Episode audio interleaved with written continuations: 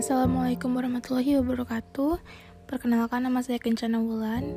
Saya berasal dari kelompok 6, OVO Yang dimentori oleh Kalila dan Karini Podcast ini saya buat untuk memenuhi salah satu tugas dari masa bimbingan mahasiswa Prodi Kewirausahaan Angkatan 2021 di sini saya akan membahas materi pertama di minggu pertama dari masa bimbingan mahasiswa ini dengan judul materi konsep diri mahasiswa. Keren dengan mahasiswa berkarakter. Pemateri pada pertemuan pertama ini dibawakan oleh Kak Hoirunisa Prastiti atau yang bisa disebut Kak Icis dan dimoderatori oleh Kak Laila Azahra. Oke, okay. gak usah lama-lama, let's get started.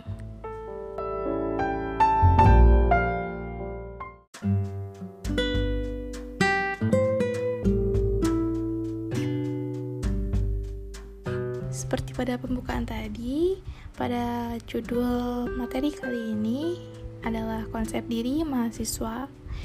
Nah, apa itu konsep diri? Konsep diri adalah persepsi individu terhadap dirinya sendiri yang dapat dipengaruhi oleh lingkungan.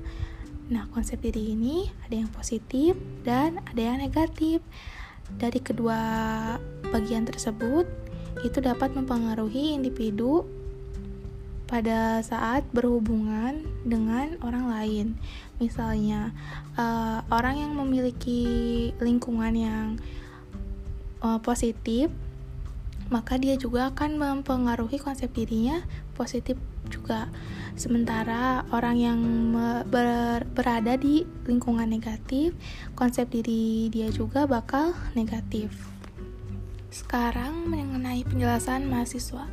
Apa sih mahasiswa? Yang pertama, mahasiswa itu adalah agent of change, yaitu penggerak yang dapat melakukan perubahan ke arah yang lebih baik.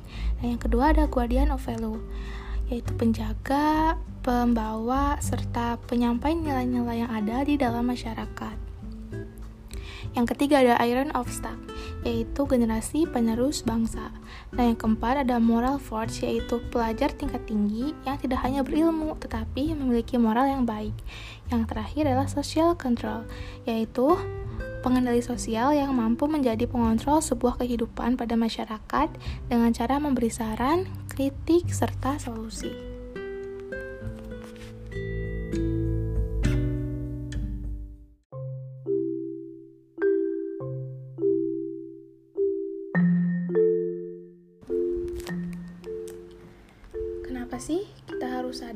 Konsep diri ini? Yang pertama, konsep diri ini berpengaruh kepada perilaku. Orang dengan konsep diri yang positif akan menganggap pengalaman negatif sebagai jembatan menuju perkembangan yang positif. Dan orang yang sadar akan konsep diri ini akan selalu memiliki harapan dan tidak akan mudah putus asa. Nah, yang kedua itu adalah actualizing tendency. Orang yang mempunyai konsep diri ini memiliki kecenderungan untuk dapat memenuhi potensi apa sih yang dimiliki oleh dirinya karena dia tuh sadar bahwa kodratnya sebagai manusia itu adalah untuk mengembangkan diri.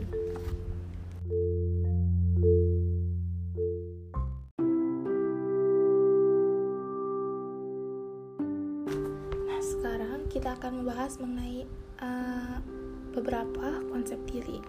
Yang pertama ada self image yaitu bagaimana kita memandang diri kita sendiri, baik secara fisik, peran sosial, ataupun kepribadian.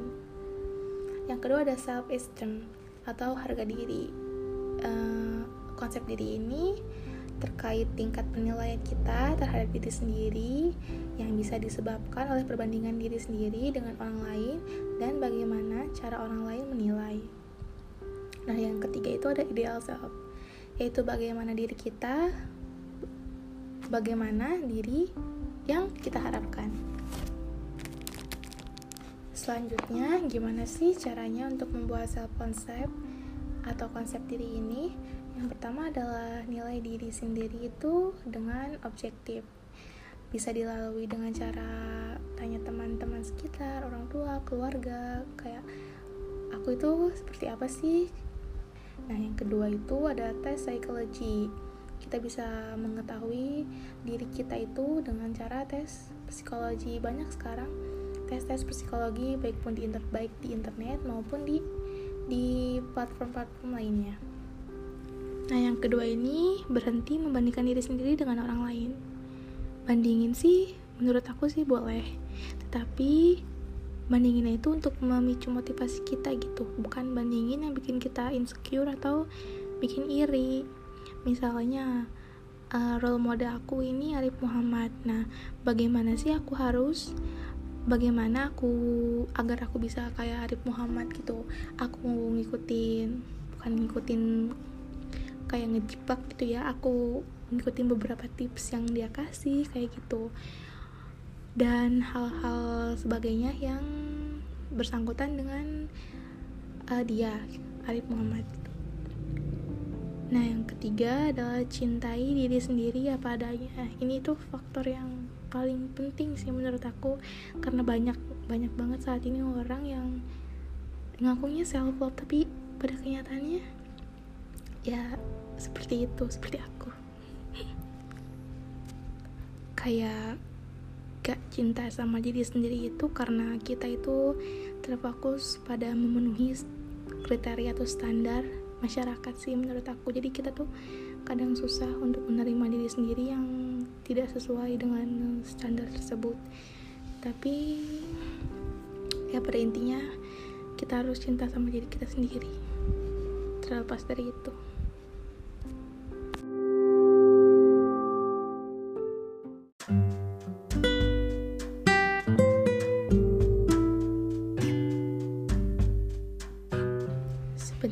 cinta sama diri sendiri ini kayak gampang gitu ya diungkapin. Ya udah be yourself be yourself. Love yourself atau sebagainya. Tapi kayak kenapa susah gitu buat diterapin? Aku juga kayak masih belajar uh, dalam menerima diri aku dan mencintai diri aku sendiri. Jadi pada materi kali ini itu kayak sangat membantu aku bahwa oke okay, ternyata self love itu penting untuk membuat self concept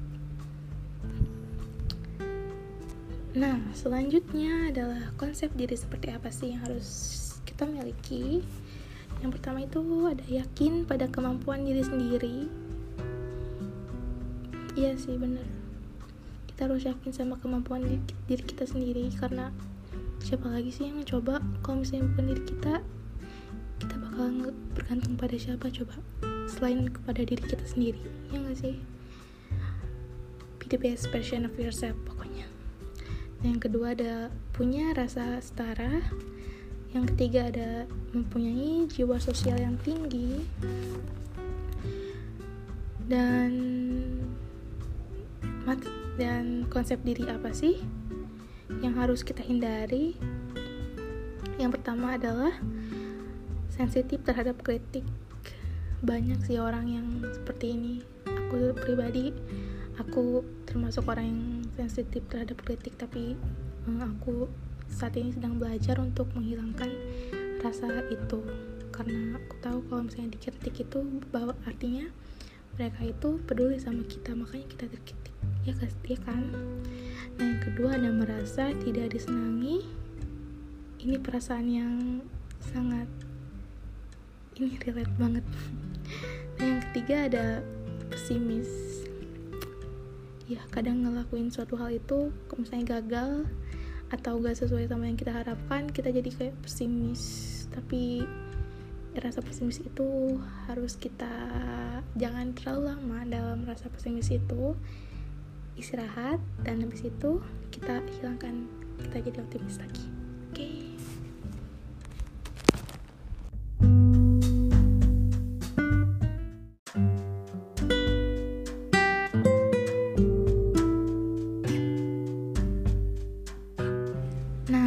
Selanjutnya, bagaimana jika kita dalam masa transisi siswa menjadi mahasiswa? Yang pertama, berani ambil resiko. Yang kedua, kelilingi diri dengan orang berkarakter. Yang ketiga adalah keluar dari zona nyaman. Ini relate banget sama aku. Aku mau sedikit cerita. Waktu itu aku kelas 11 SMA. Nah, aku itu kayak aku nggak school, gak punya school, gak punya school semenjak kelas 10 itu aku kan pernah school badminton, tapi aku keluar dan gak punya eskul kelas 11 ini dan suatu hari ada pengumuman bahwa diadakannya uh, pemilihan untuk anggota MPK Majlis Permusyawaratan Kelas. Awalnya aku gak mau ya gak mau ikutan. Tapi kayak aku mikir aku mau berubah gitu. Aku mau keluar dari zona nyaman aku.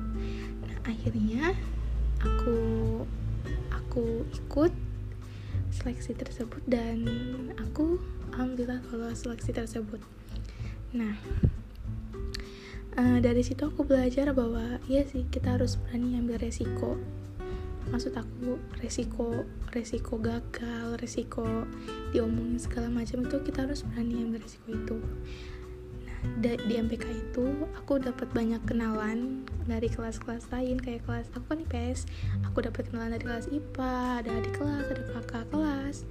Kita itu jadi dikelilingi sama orang-orang yang berkarakter. Nah bagian ini aku relate sih dan semoga aku dapat dapat ngerasain itu di di bangku kuliah ini.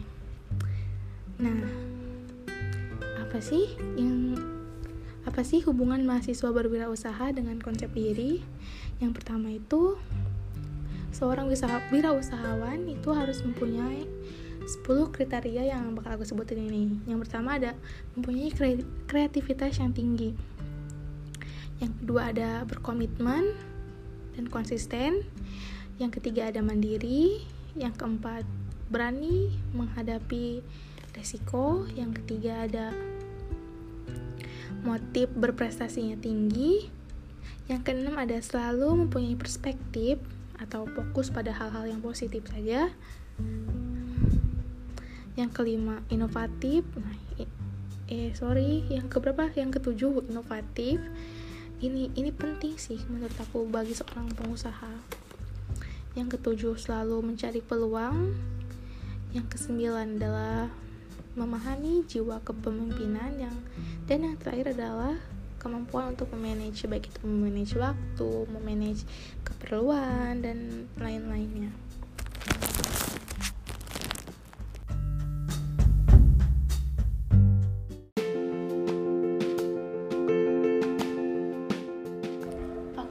masuk ke sesi terakhir yaitu kesimpulan aku pribadi menurutku materi ini mengenai konsep diri ini penting ya dibagikan ke mahasiswa. Apalagi bagi mahasiswa yang sedang mengalami transisi dari masa remaja ke dewasa. Pada transisi tersebut mahasiswa itu rentan sekali mempunyai masalah yang berupa kondisi psikologi seperti kelelahan, stres, terus pencarian jati diri, tujuan hidup, dan sebagainya.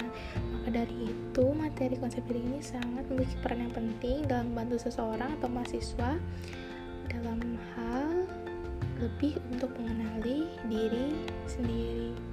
Sekian dari saya, Kencana Bulan.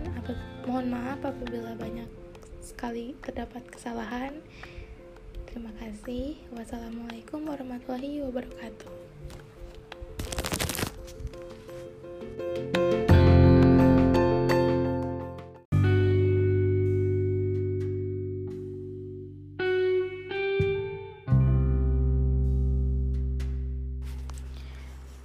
Assalamualaikum warahmatullahi wabarakatuh Halo semuanya, balik lagi ke segmen Mabim Weekend bersama Kencana Ulan Sebelumnya perkenalkan saya Kencana Wulan dari kelompok 6 OVO dan kali ini saya akan mereview materi yang dibawa oleh Kak Hoirunisa pada acara Mabim Prodik Wirausahaan.